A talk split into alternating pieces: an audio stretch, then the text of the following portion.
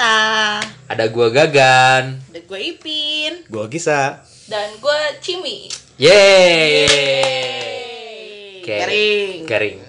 Eh, untuk episode pertama kita akan mengangkat tema bekerja atau dikerjain. dikerjain.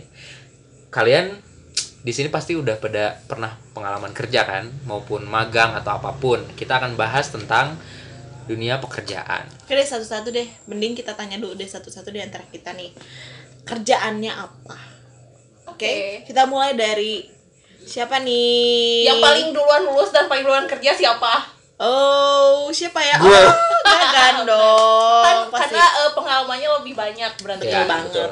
Oke, dari mulai Gagan deh. Sekarang eh, coba ceritain deh pengalaman kerjanya di mana dan sekarang kerja di mana.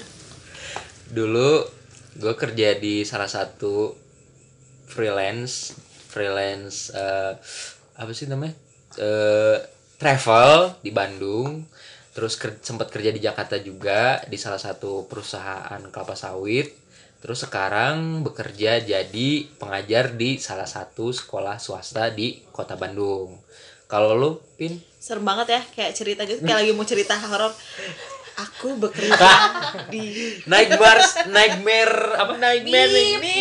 oh, nightmare itu ya. Ada ya Oke, kalau aku sih emang lulusnya agak telat ya, karena terlalu menikmati masa-masa kuliah. menikmati kebahagiaan, Kebahagiaan bahagia tapi ba- bahagia kan Bahagia banget, Bahagia, ya kan? Dari situ habis lulus aku langsung daftar-daftar kerja nih ya, cari-cari kerja dan akhirnya keterima di Oke deh sebelumnya kita eh, aku mau cerita dulu background pendidikan aku dulu ya. oke Jadi, background pendidikan aku adalah keguruan. Ingat ya teman-teman, keguruan. dari dari dari mana lulusannya Dari Salah salah satu universitas keguruan yang ada di kota Bandung. Bandung pasti. Tebak aja sendiri di tebak mana. aja di Iya, mana pasti ya tahu lah ya di mana yang agak jauh ke arah sana. Ke arah mana ya? ke arah Utara, utara, ya. Oke iya, deh. iya. Nah, setelah lulus ya, abis itu gue langsung lamar-lamar kerja nih. Tapi nggak tahu kenapa belum ada terinspirasi untuk melamar kerja menjadi guru. hmm oke Akhirnya bermodalkan ijazah keguruan, coba-coba deh di mana aja kerja yang penting gue keterima kerja. Akhirnya gue ngelamar-lamar tuh ya di eh, pekerjaan dan akhirnya dapatlah eh pertama-tama agak susah ya kan Eh, bukan cuman ngelamar ngelamar kerja datang-datang ke job fair lah ke mana lah ya. Akhirnya dapet tuh telepon. Telepon lah dari salah satu perusahaan perusahaan Garmen. garmen di kota Bandung. Kayaknya cuma satu ya? Eh banyak banyak deh Banyak banyak, ya. dong.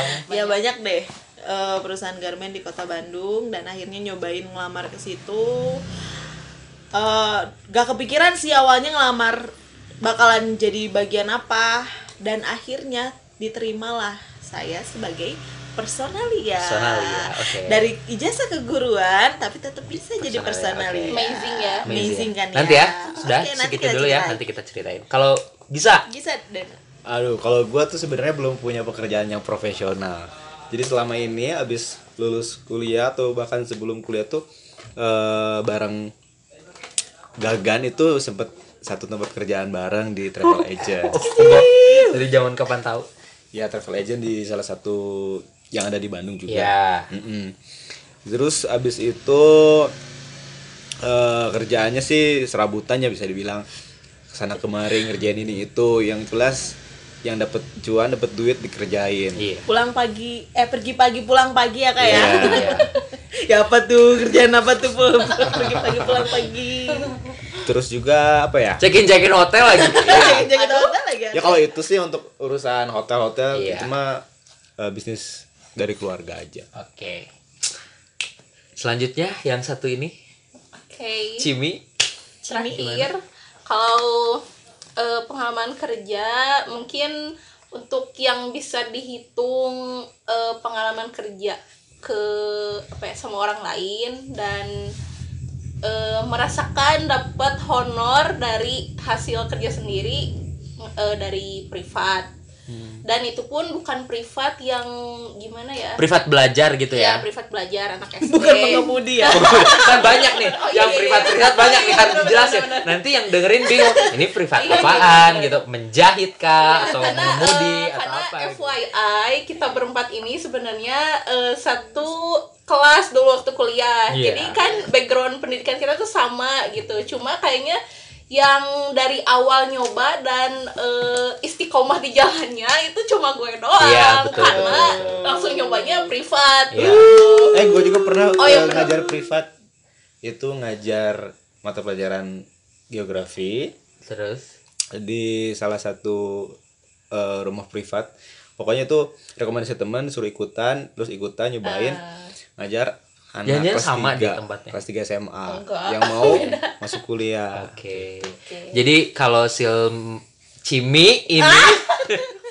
Cimi ini eh, dia istiqomah ya di dunia Paling pendidikan paling di- sampai sekarang ya sampai sekarang Iya. kerjanya Nah, paling istiqomah gitu. itu kan eh, berawal dari privat-privat tuh eh apa udah itu nyobalah ke tempat bimbel di satu bimbel yang katanya pelopornya di Bandung ya. Apalah tuh, adalah ya beberapa Ya, bimbel-bimbel yang yang pelopor. udah banyak cabangnya di Iya, Bandung lah di itu ya. Bahkan di rumah gue yang jauh di ujung dunia sana tuh ada ada cabangnya. cabangnya. tapi bukan yang terbaru kan?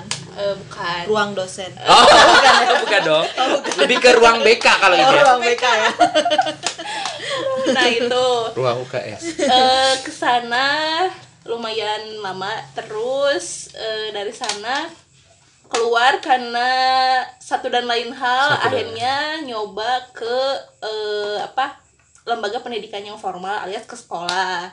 Dan ke sekolah pun ini udah pindah dua sekolah. Nah eh, ya kira-kira pengalaman kerja dari dua tahun ke belakang Hmm, tiga lah dari Tiga tiga, tahun ya? tahun ke belakang oke itu kayak gitu Oke. Oh, pindah dua sekolah loh kak Iya. wah hebat banget Hebat banget ya. iya ya kan kayak bukan karena nakal kan kayak Bukan ya? dibenarkan ya Bukan ya karena tapi, tapi prestasi mungkin ya lebih ke prestasi ya. karena dibutuhkan di Dibutuhkan mana-mana ya, ditarik Apalagi ke mana-mana gitu guru kan. itu pasti kan dibutuhkan di mana-mana Iya, sebenarnya. betul. Apalagi kalau yang geografi kan atau yang IPS tuh susah ya mencarinya lulusannya kak sedikit. mohon maaf nih kok malah jadi Oh iya benar. Oh jangan jangan ya Oh, lupa lupa lupa. ya kebongkar Kebongkar deh gimana dong Ya, oke. oke oke bahas bahas bahas Oke ya. Sekarang gua mau nanya ke kalian nih. Hal paling yang paling bisa diingetin dari kerjaan kalian tuh kayak misalkan kalian mengingat kerjaan itu langsung keinget suatu hal itu apa sih gitu. Jadi misalkan kerjaan kita masing-masing Iya gitu. kerjaan yang kalian pernah alamin itu yang paling yang paling teringat banget di kalian itu apa gitu tentang kerjaan itu. Mau hal yang negatif mau yang positif apa? Tapi yang jelas hal yang akan kalian ceritain itu bakalan mengingatkan kalian tuh langsung flashback ke kerjaan kalian itu. Dari dari Gue Ipin dulu, Oke, gue dulu ya. Kalau gue sih kan karena emang background gue pendidikan ya, terus tiba-tiba kerjaan emang di luar pendidikan banget Hmm. gitu dan bener-bener gak nyambung banget sih kan ya sama apa yang kita udah pelajari waktu kita kuliah dulu kan. Nah, tapi ketika kita masuk ke dalamnya ya, maksudnya udah udah kerja dan tahu kerjaannya, si positifnya sih kadang suka mikir oh sebagai personalia ya gue gue sih mikirnya kayak kayak kalau kita sekolah tuh kayak guru BK Hmm. karena di mana kita tuh ngurus ngurus kalau bedanya di sekolah kita ngurus kedisiplinan. Misalnya kan kayak absensi eh, pokoknya tentang HR dan general aff- affair deh ya. Eh, absensi kedisiplinannya bagaimana. Nah sama dengan di sekolah tuh kayak kita ngedisiplinin murid nggak sih? Tapi Iya. kalau di sini kan kita ngedisiplininnya karyawan karyawan orang dan dewasa ya orang gitu. dewasa dan lebih kompleks lagi karena kan si umurnya tuh udah bukan kan kalau sekolah umurnya sama ya seragam Iya. semua. Kalau ini kan beda-beda dengan karakter beda-beda dan lebih rumit lagi dan lebih banyak lagi jumlahnya. Biasanya kan kalau sekolah kita misalnya satu sekolah berapa sih? 300-an ya kan ya? 300-an orang misalnya. Kalau ini kan udah mulainya ribuan gitu kan Eh, di mana kita dituntut juga harus tahu nih orang tuh siapa. Kita harus jadi karena kan dengan tahu orang oh ini orang nggak disiplin dan kita tahu orang-orangnya siapa aja. Terus belum lagi kan kita eh, ibaratnya sih kalau misalnya aku kerja di pabrik garment ini kan karena ngurus banyak tuh emang lebih tingkat tekanannya juga lebih tinggi sih ya. Iya. tekanannya lebih tinggi dibanding kita kalau di keguruan. Cuman itu jadi kayak bahan pembelajaran aja. Gue semikirnya kayak wah emang susah banget nih. Apalagi gue background pendidikannya nggak di situ. Terus Iya. kayak bakalan ah susah banget deh gitu. Harus belajar dari awal lagi. Harus bener-bener tahu keilmuan. Sampai gue kan belajar apa sih? Undang-undang Tenaga Tenaga kerja. kerjaan. Gue waktu awal masuk tuh kayak langsung nih kamu belajar ini undang-undang ketenaga kerjaan dan gue tuh bakalan ditanya ditanya tentang undang-undang tersebut gitu. Sampai gue tuh benar-benar tahu antara undang-undang tenaga kerja dan aturan yang ada di perusahaan tersebut. Kan karena kita karena bakalan kita yang eh, apa namanya? Handle langsung Eh, handle langsung kan. Apalagi gue pas personalia tuh kebagian langsung personalia produksi di mana langsung terjun langsung berhubungan langsung Iya. dengan si pegawai-pegawai yang ada di situ. Jadi ngurus-ngurusin cuti, izin kayak gitu-gitu ya. Iya, sama sih kayak sekolah juga Iya. kan pasti kita ngurusin guru juga ngurusin kayak, kayak gitu. guru piket ya jatuhnya kak Iya, kayak guru piket, guru BK, wali Dan kelas semua, semuanya, semuanya. gitu kan. Guru tata usaha Tata semuanya. usaha semuanya. Tapi ngurusin juga hal yang yang sifatnya teknis ya, misalnya ada kocoran gitu-gitu. ya. Eh itu kan general affair-nya pasti affair, ya. Eh, tembok retak, lantai rantai retak, Hmm. Oke, oke. kayak gitu-gitu kan. Sampai juga kan kayak toilet, itu kan benar-benar kita Dicek ya semua ya. ya kita ngecek emang kita punya bawahannya kasih tapi ya tetap kita harus terjun juga kan nah dari situ tuh langsung belajar kayak gue stres sih kerja di situ cuman kayak mikirnya kayak wah ini kayak jadi pembelajaran sih jadi ilmu juga buat gue ketika eh, gue kerja di situ dengan tekanan besar dengan jumlah karyawan yang banyak sedangkan ntar kalau gue kerja di tempat lain misalnya di perkantoran yang kerjaan maksudnya si pekerjanya si Ruang lingkupnya nggak terlalu Oh, luas seperti itu ya. eh, luas gitu kayak jadi gampang kan Bisa. ya karena kita udah bisa biasa handle dengan banyak orang nah kayak gitu nah dari situ suka mikir sih kayak buat kalian semua nih sobat tanggul gitu ya Sobat tanggul. Sobat Tengku kesannya kayak yang lagi dia nongkrong di tanggul gitu kan. Iya. Main layangan gitu, mancing. ya maksudnya kayak buat sobat-sobat tanggul yang kayak aduh gue lulusan ini tapi gue pengen kerja di sini ah tapi kayaknya nggak mungkin mungkin aja sih Mungkin aja, pasti betul. mungkin aja karena kalau kata gue sih di mana kita berusaha dan ada, ada niat kayak bisa gue interview ya pokoknya gimana caranya kita bisa meyakinkan Iya. orang bahwa Iya. kita bisa kita mau bekerja kita mau belajar Kita ada niatan Ada niatan, bener-beneran kerja itu profesional. pasti dipertimbangkan, sih kalau Dipertimbangkan. menurut gue gitu Jadi intinya kalau Ipin ini kayak bener-bener dia masuk ke dunia yang baru, terus kayak bener-bener belajar hal yang baru dan akhirnya bisa gitu ya. Meskipun dia nggak sama background pendidikan dengan apa yang dia jalani dalam pekerjaan, gitu ya intinya ya. Terus mungkin Ipin juga eh, kaget pada awalnya ya Wah karena kaget banget, sempet kayak, duh nangis nangis, kayak Drama. aduh Drama, ya, drama drama. banget, Ada ya? kayak ya ampun gue tuh kayak ya you know lah ya kalau kita kerja di perusahaan garment kayak gitu kan emang perusahaan yang Iya. terus berjalan Berproduksi ya, Berpro- terus terus berproduksi kejar target ya, dan lain-lain. kerjaannya kan si eh, karyawan tuh jam kerjanya nggak cuman dari kayak kerja kantoran dari jam tu, jam 8 Shifting sampai ya. jam 5 shifting kan ada shift pagi siang malam dan ketika itu terus-terusan berproduksi kita juga kalau ada apa-apa harus standby kan dan Standby. itu tuh bikin ya ampun stres banget gue Dan itu kerjanya sampai Sabtu loh guys, jangan lupa ya. ya sampai Sabtu dan gue tuh kalau misalnya bagian nongkrong nih sama mereka mereka baru pulang kerja gue udah nongkrong dan udah ngantuk Udah banget capek, udah karena gue setengah tujuh kelelahan. masuknya Iya, iya. setengah Udah tujuh kayak harus- anak sekolah loh. iya harus sudah standby jangan setengah tujuh harusnya sih jam 6 ya Iya. kayak lu berangkat dari matahari belum terbit belum terbit sama matahari terbenam kayak wah hebat banget sih loyalitas gue Loyalitas, men betul betul. Gila. Oke, itu cerita dari Ipin. Sekarang kita ke Gisa. Cerita ini. Kira-kira kerjaan lo waktu kemarin itu kayak gimana? Oke. yang paling diingat Yang paling diingat. Intinya sih kalau gue kerja di bidang pariwisata ya, tourism. Hmm, sama kayak gagan. Heeh. awalnya kan dulu tuh waktu masih semester akhir masih belum lulus eh, freelance kan ikut travel agent eh ngehandle study tour. Istilahnya sih tour leader ya eh, yang ngebawa apa rombongan keluar banyak fansnya loh kak Iya fansnya. Kagisa ini banyak Kagisa fansnya tuh banyak fansnya. Dede dede apa? Dede Dede SMP Piranha Piranha Piranha. Soalnya ganas-ganas loh. Ganas. Oke Oh oke oke. Ya, jadi gimana, Kak? jadi kalau dulu kan di travel agent kita tahu sendiri lah Gagan kita punya bos yang benar-benar eh, bisa dibilang apa ya strict banget strict ya. banget ya disiplin, Disiplin juga banget. Profesional banget Iya. terus agak cenderung ini ya Mudi. tegas ya Oh, Mu- Mudi? Mudi Mudi juga iya. iya pak Biasanya kan kalau cewek tuh mudi ya kan? Gitu. Oh, Jadi iya. bos kita cewek ya guys cewek Eh, di situ sih gue belajar bahwa mm, meskipun eh, kita kerja eh, katakanlah kerja yang disuruh-suruh katakanlah karena kita kan dibawahi sama bos ya Iya. tapi kita tuh jangan setengah-setengah untuk kerjain itu. Karena sekecil apa pun pekerjaan atau apa pun yang kita tugasin kita harus benar-benar maksimal. Karena eh, nilai akhirnya tuh kita bakal dinilai gitu pada akhirnya. Kita performanya bagus atau enggak gitu. Hmm, betul.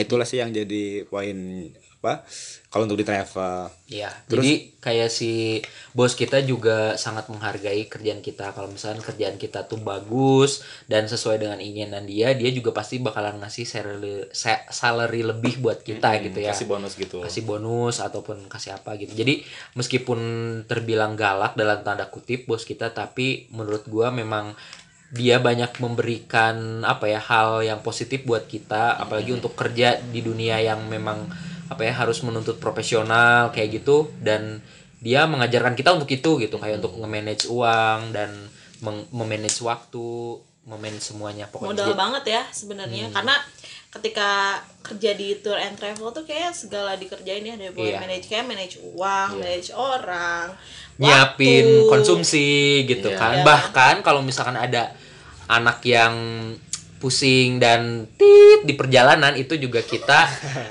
kita eh, apa ngehandle itu Ya kakak jangan juga anak di jalan tuh nih eh, buat yang nanti misalnya jadi tour-tour leader Iya. seperti itu jangan biarin anak-anak nonton film di dalam bus kan karena itu bakalan karena itu bikin pusing Bikin kan pusing. nanti iya betul dan itu yang repot siapa kakak, Kakak tour leadernya. Iya, gitu. gitu jadi eh, intinya bekerja di travel itu banyak memberikan dampak positif ya. Ya terus tambahan lagi kan kita bos tahu bos kita tuh tahu eh, dia tuh detail oriented banget ya. Dia tuh hal-hal yang kecil-kecil tuh tahu dia sampai ingat jelas gitu. Nah di situ kita jadi belajar kejujuran sih. Kejujuran ketika kita punya miss atau satu terus kita lupa atau kita apa namanya nggak tahu tuh repot nanti belakangnya jadi kita harus benar-benar jujur apa yang terjadi tuh dikatain eh, sejujurnya jangan ada yang iya ditutup betul apalagi masalah keuangan Iya Nah, itu. jujur ya harus jujur. harus Gitu, jujur benar jadi 100 rupiah 200 rupiah tuh itu harus dicatat benar-benar ya Iya. bisa ya Ya kalau hilang, ya, kalau misalnya kalau misalnya hilang, Enggak kalau misalnya hilang ya bilang hilang gitu. Iya. Mendingan dimarahin sekali tapi jujur daripada nggak jujur, justru malah jadi itu bikin orang tuh nilainya nggak percaya. iya benar oke jujur sekarang yang terakhir buat Cimi gimana nih?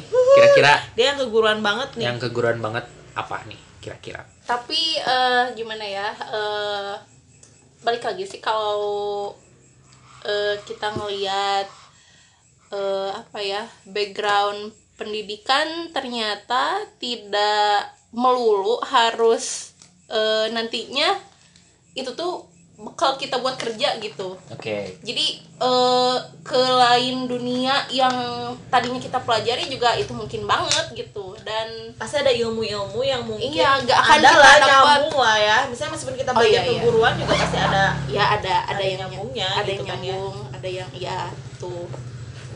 Terus Eh, pengalamannya gimana? yang aku ingat sih kayak ya itu tadi sih eh, apa tempat di mana kita kerja tuh ngebentuk pribadi kita ya. Ya nah itu kan kayak tadi nilai-nilai kejujuran terus eh, apalagi Profesionalitas kedisiplinan, gitu ya. mm-mm, kayak gitu profesionalitas. Nah, eh, di tempat kerja eh, yang dulu pun sama sih. Aku juga dituntut kayak gitu gitu. Tapi mm, mungkin kalau untuk urusan apa ya eh, kita sama atasan no problem sih ya. Cuma eh, yang paling bete itu kalau udah urusannya sama rekan kerja gitu. Oke. Karena kalau Ya. sama rekan kerja tuh nggak akan nyaman gitu kalau Iya. Iya, kita betul. selek sama orang yang tiap hari bakal ketemu sama kita apalagi satu tim gitu Iya. kayak lo jujur dia nggak jujur ah gitu Dai. kan kayak gitulah ya apalagi gitu kalau nusuk dari belakang ya uh, Jadi jadi kalau Cimi lebih Gitu. banyak lebih banyak meme- apa istilahnya dalam pekerjaan itu eh, menggarisbawahi eh, hubungan dengan partner kerja Iya, gitu ya. Kalau mungkin tadi Ipin kesimpulannya mungkin lebih banyak belajar dari apa ya? Si sistem tanggung- kerja, mungkin sistem kerja kalau kita tanggung jawabnya yang lebih besar Iya, kalau gua dan Gisa mungkin lebih dari kedisiplinan, lebih dari keprofesionalitasan kerjaan gitu. Terus sekarang tadi kan udah positif-positif nih. Kira-kira dalam pengalaman kerja kalian eh, ada hal negatif apa sih yang sampai sekarang tuh kalian tuh nggak bisa dilupain? Atau pengalaman buruk apa eh, dalam pekerjaan itu yang kalian nggak bisa lupain sampai sekarang gitu. Dari Gisa dulu deh tadi kan udah pin dulu. Hmm, sebenarnya yang buruk-buruk banget sih belum yang sampai lu nggak pernah lupa bahwa kalau misalnya anjir iya nih dulu nih gua gini banget nih. Hasil didikan. Hasil didikan atau enggak mungkin lu melakukan kesalahan apa gitu. Bisa aja apa ya? Kehidupan sebelumnya reinkarnasi jangan-jangan lagi kehidupan sebelumnya. Kalau kesalahan yang benar-benar inget banget tuh nggak yang bikin fatal tuh nggak pernah. Ya selama ini sih konsisten ya sama Bu Yati. Sorry, sorry. Ntar diedit ya. bip. Ya. Bip. Gitu nggak ada edit soalnya ini udah gue pusing editnya anjir ya istilahnya sama bos kita itu oke. gue tuh udah konsisten lah untuk menjaga eh, sistem kerja dengan dia profesionalisme dengan dia gitu. Ada pun yang miss miss kayak ya itu mah masalah masa teknis di lapangan lah yang kecil kecil misalnya kalau kita lagi yang kalau buat kalian yang belum tahu kerjaan tour leader itu istilahnya dia tuh kerja di lapangan eh, ngebawa rombongan grup studi tour. Jadi lu yang ngerjain eh, segala perlengkapannya dari mulai pemberangkatan naik bis sampai ke hotel sampai pulang lagi tuh lo yang ngerjain. Nah di situlah kadang suka ada hal teknis yang kecil-kecil yang kadang miss dengan eh, apa yang disuruh bos bilang gitu. Eh itu sih paling yang jadi hal-hal yang miss mah oh ya gue juga ada kerjaan sampingan sih itu dari eh, sewa menyewa room apartemen ya. Kalau di situ tadi kan gue belum ceritain positifnya gimana. Kalau positifnya gue ceritain waktu di sewa menyewa itu eh meskipun gue backgroundnya juga sama-sama teman kita semua ini pendidikan eh bagaimana pendidikan itu eh nggak terlepas dari apa sih nilai apa ya? Cimi apa dong? Kalau pendidikan itu istilahnya yang pedagogik itu istilahnya apa? Apa ya? Psikologi psikologis ya. Nah Hmm. kalau di pariwisata kan eh, di tourism kan apa ya eh, sama juga kan gimana caranya orang senang ya. Ya nah kita nggak belajar sih sebenarnya kalau di pendidikan. Tapi mungkin kalau anak-anak pariwisata pasti tahu benar yang namanya hospitality sama Iya. service. Nah di situlah dapat poin plus oh ternyata hospitality sama service itu adalah hal yang utama di bidang eh, Pariwisata. pariwisata. Jadi gimana orang senang gimana orang eh, apa puas dengan kita itu yang penting gitu loh. Eh, negatifnya di dunia itu tentu kalau kitanya apa ya namanya kitanya nggak maksimal gitu nggak ngasih pelayanan yang terbaik nggak ngasih kepuasan yang maksimal bikin intinya bikin ngecewain konsumen lah itulah yang jadi eh, poin fatal ketika eh, kita berbuat salah atau berbuat kurang maksimal.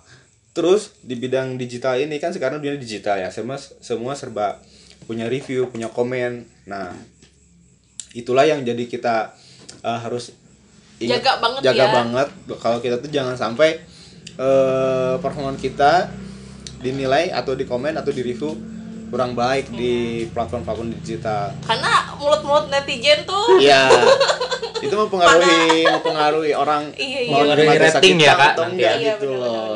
itu sih kak.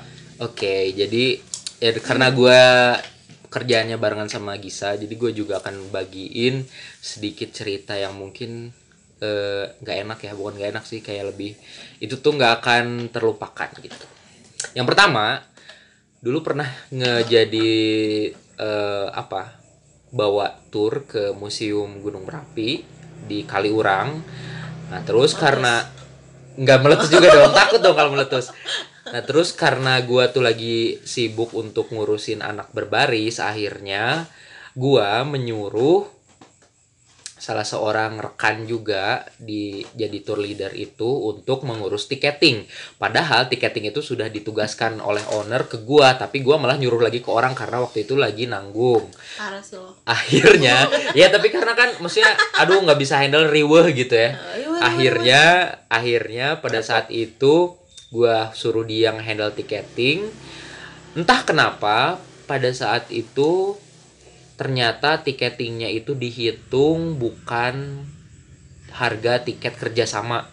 Jadi kan kalau misalnya kita dari tour atau dari sekolah mau mengunjungi suatu tempat itu harus ada suratnya. Nah, dan biasanya harga tiketnya itu berbeda dengan harga tiket reguler.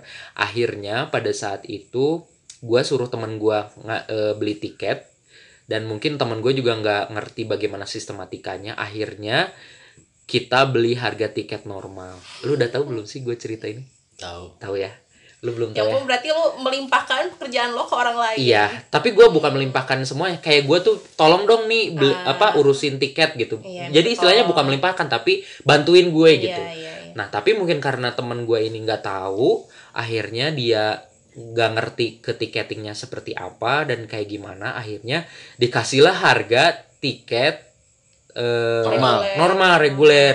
Eh, jadi kita juga kan itu sudah di, ada, ada dibajetin kan per amplop gitu misalnya ini kunjungan ke sini ini tiketnya segini berapa ratus ribu berapa ratus ribu dan ternyata di kan eh, dari owner kita tuh suka membudgetkan lebih kan sekitar 600 ribu kalau nggak salah dan tiket masuk jika pakai surat izin itu atau surat surat apa dari travel itu biasanya nggak akan sampai 600 paling sekitar 400 sampai 500 jadi masih ada lebihnya kan kalau nggak salah seperti itu.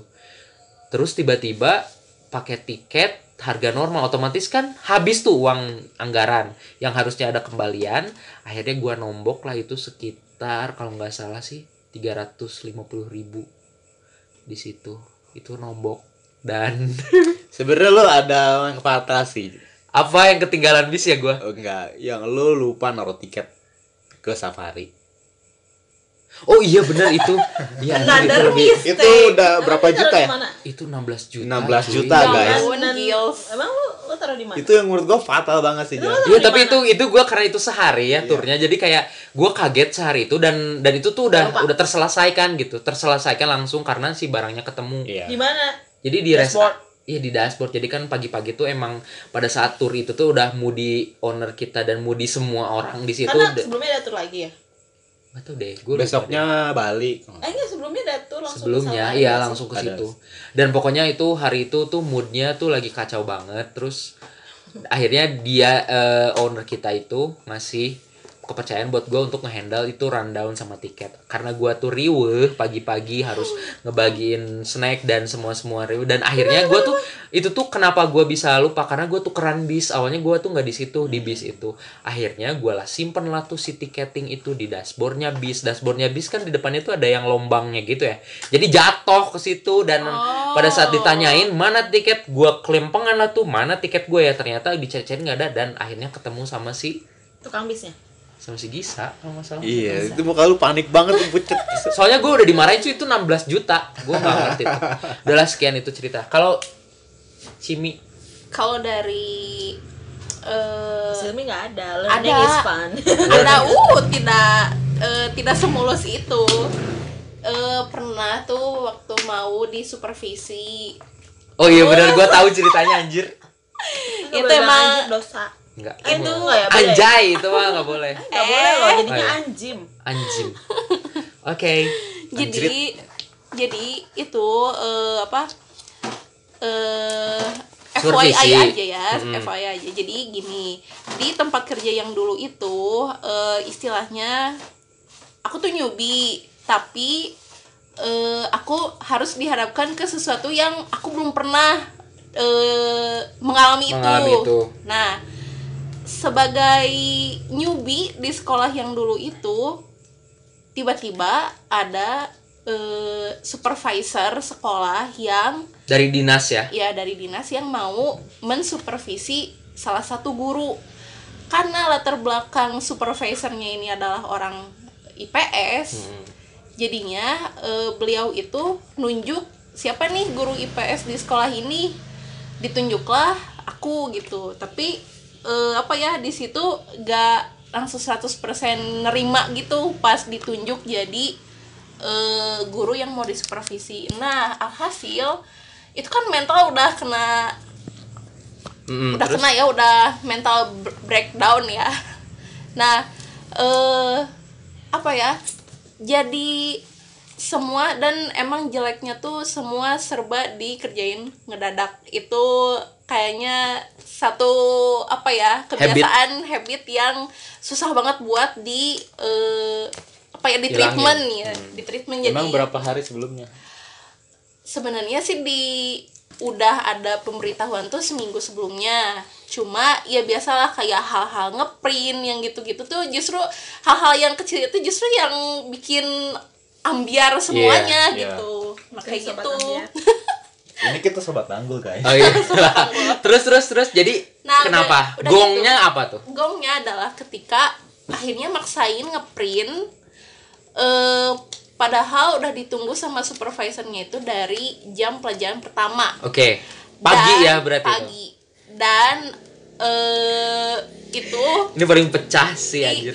asli. Itu dan aku datang ke sekolah itu jam sembilanan kebayangkan gap waktunya itu sampai dua jam dan eh, beliau itu supervisornya itu sampai diem di kelas dan eh, ada guru yang ngasih tahu nge WA ke aku katanya eh, beliau tuh sampai ngajar di kelas gantiin aku. Itu parah sih. Wah itu itu parah itu banget. pecah sih. Gue sampai gue sampai waktu waktu Cimi cerita masalah itu kayak mi lu tuh kenapa sih Aj- kayak gue yang dengernya aja tuh kesel gitu kayak lo bayangin deh itu ya. iya supervisi dari dinas yang notabene tuh dari pemerintah gitu ya mau mensupervisi elu dan elunya tuh kesiangan bukan kesiangan kayak 10-15 menit dua jam cuy. Terus pada saat dia dat pada saat lu datang dia masih ada beliau?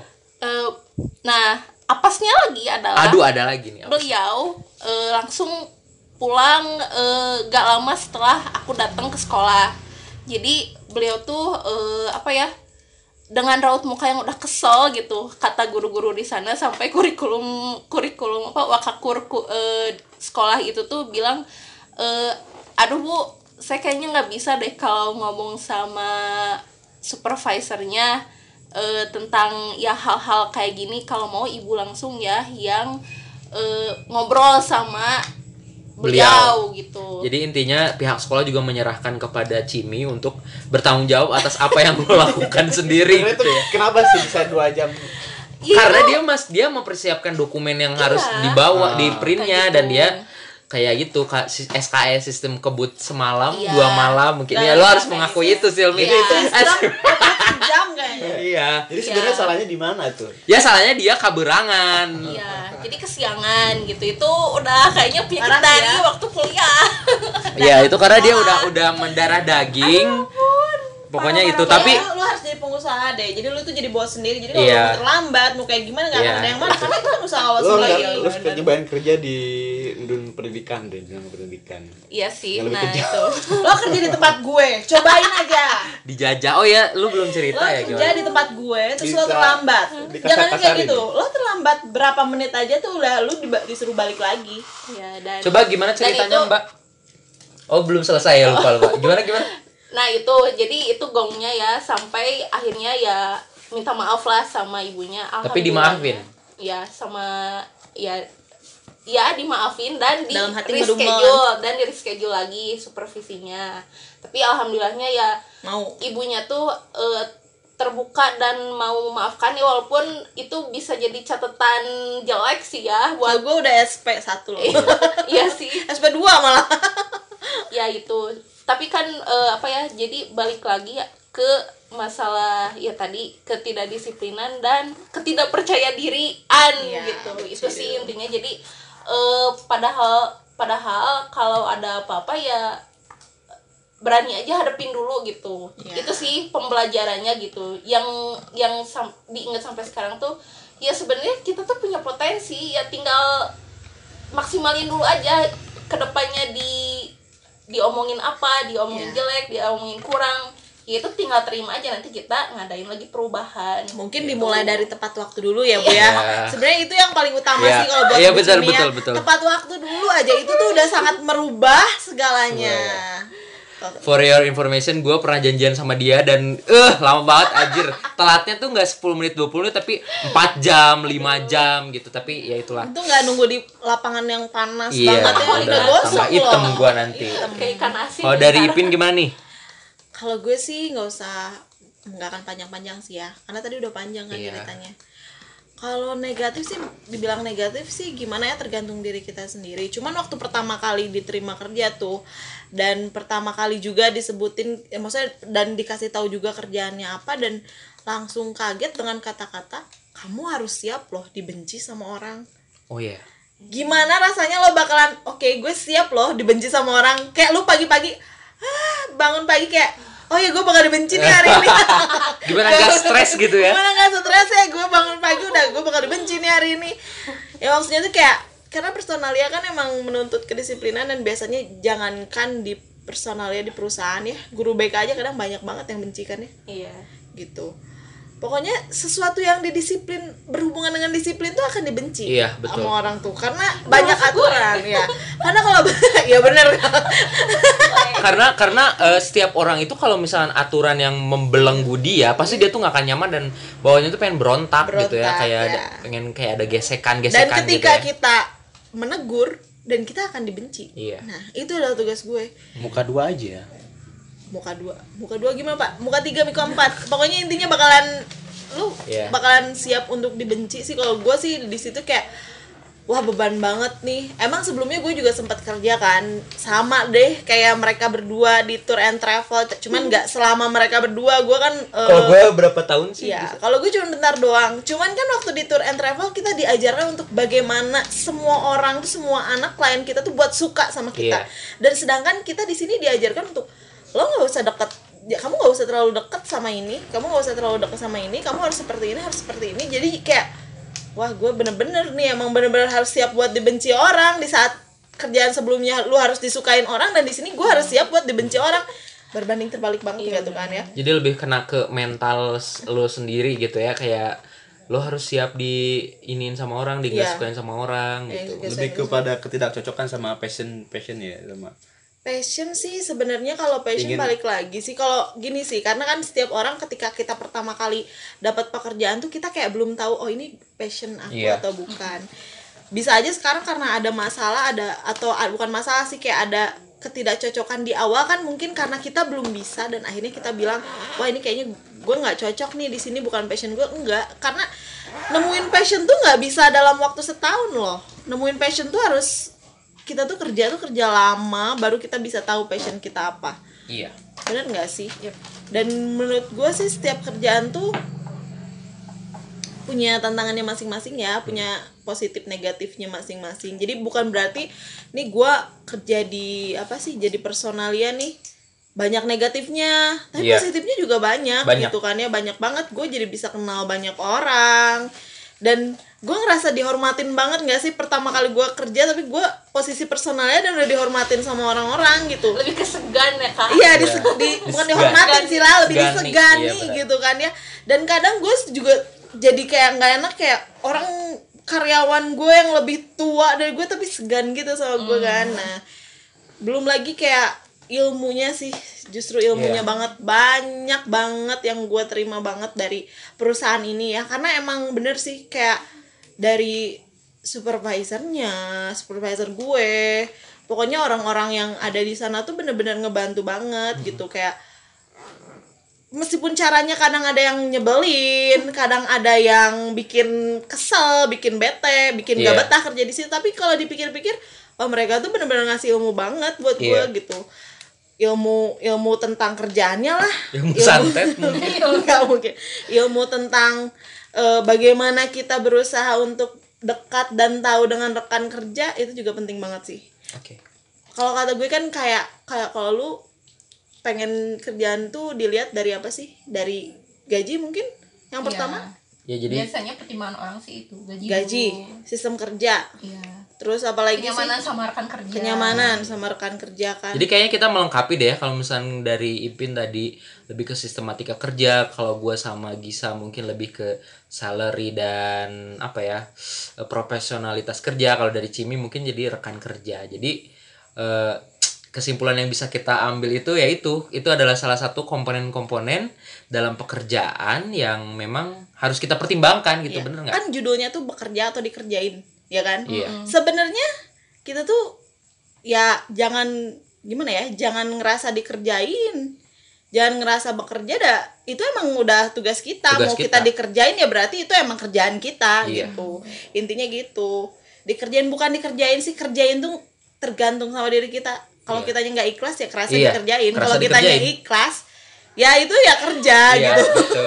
emang kerja kayak gitu lu mau cari di mana pun Oke. pasti kerja tuh kayak gitu Oke. Nah, sekarang yang terakhir nih, kira-kira singkat aja ya karena kita udah panjang banget nih. Tips buat teman-teman di sana atau sahabat tanggul di sana yang yang lagi main layangan masih mencari masih mencari kerja, kira-kira tipsnya apa nih biar cepat dapat kerja atau kira-kira eh, biar langgeng sama kerjanya ya itu. Kira dari Ipin dulu deh. percaya diri sih Percaya kata diri. gue. percaya diri bahwa diri kita tuh punya modal Hmm. kita punya punya sesuatu yang sebenarnya bukan dilihat dari background pendidikan aja tapi dari diri kita sendirinya pun itu tuh udah modal cara pembawaan diri kita cara kita ngomong cara kita eh, menjelaskan menjelaskan sesuatu tentang diri kita tuh ya itu modal buat kita gitu sebenarnya HR kan nggak HRD kayaknya nggak begitu ngelihat kayak lo lulusan mana IPK Lo aktif lo apa berapa?" di kampus, gitu. kampus ah, itu aktif apa tapi kan lebih ngelihat bagaimana cara kita berbicara menerangkan Iya. diri kita tuh bisa meyakinkan bahwa kita Personal. tuh bisa gitu kita bisa belajar dan bisa bisa untuk bekerja gitu Da- Jadi dari Ipin percaya diri kalau dari Gisa kira-kira apa? Kalau dari gua yang penting jujur. Jujur ya? Jujur pada awal. Jujur pada wadah. Kalau dari Cimi? kalau dari eh, karena dari tadi meng-highlightnya adalah tentang kenyamanan kerja dengan Iya. rekan kerja sakit hati banget ya rekan kerja sebelumnya dari tadi kenyamanan rekan- rekan-. Rizky Febian mungkin dan eh, apa dan eh, masalah dengan apa tadi ketepatan waktu ya Iya. ya dua hal itu sih yang jadi apa ya poin penting adalah ketika kita harus eh, tahu gitu kita tuh kerja eh, apa ya kerja di sistem orang yang itu pasti eh, apa ya ketepatan waktu tuh butuh eh, banget gitu gak gak mungkin Harga kita mati ya? ya gak mungkin kita kayak menyepel kan jatuhnya ya mohon maaf ya ibu kemarin berarti saya termasuk menyepelekan Iya. ibu gitu ya kamu nggak Tapi minta saya- maaf ke aku sih aku sering nungguin kamu loh Iya, dan tidak tepat waktu Iya, dan banyak teman-teman lo yang sering lo telatin ya. nah itulah Iya, jadi lebih ke eh, apa ya gaya kerja ketepatan waktu, terus rekan Iya. kerja gitu ya itu. lu ya. inget aja Cinderella Mi kalau misalnya lu telat lu bakal Lo jadi berubah babu, lo bakal dipecat dari kerjaan lo. Iya, dipecat. Oh ya oke oke. Aku Kalau ingat itu. Kalau dari gua mungkin eh, untuk para orang yang masih menca- masih mencari kerja, apalagi di masa pandemi seperti ini mungkin lebih kreatif, terus kayak apa ya banyak mencari kerja di internet, mungkin lebih aktif lagi gitu ya bisa masuk ke grup-grup Facebook seperti yang Ipin Ipin apa sarankan sama gua waktu gua masih nganggur cari itu di grup Facebook info locker Jabar katanya selain apa dapat info locker dapat info jual HP bekas Iya. Pokoknya semua di guys kalian jangan menyepelekan Facebook karena Facebook itu banyak info dan hal-hal positif yang bisa kita dapat dari Facebook. setiap gitu media sosial pasti ada Pasti positif ada. dan negatif Pasti ada. Terus dari Telegram mungkin terus dari dari ya banyak lah karena pokoknya gue platform pecinta aplikasi platform. banget ya Iya. kayak di handphone gue tuh aplikasi Semua banyak aplikasi banget. ada. eh lu download ini deh kalau Ya, cari iya, ini download benar. ini deh Bener. Oke deh, semoga eh, podcast kita dapat bermanfaat. Ini udah kayak penutupan dakwah Jumat aja nih. oke sobat tangguh Oke sobat tanggul sampai lagi ber main layangan nyuci ataupun lagi main keciplak-keciplak air itu lagi tit mungkin di tanggul. Lagi tiktokan lagi TikTok kan lagi ngapain pokoknya dengerin terus podcast kita. Terima kasih yang udah dengerin. Sampai jumpa. Salam tanggul 15 bye kok gua doang yang salamnya anjir? Salam. Berapa menit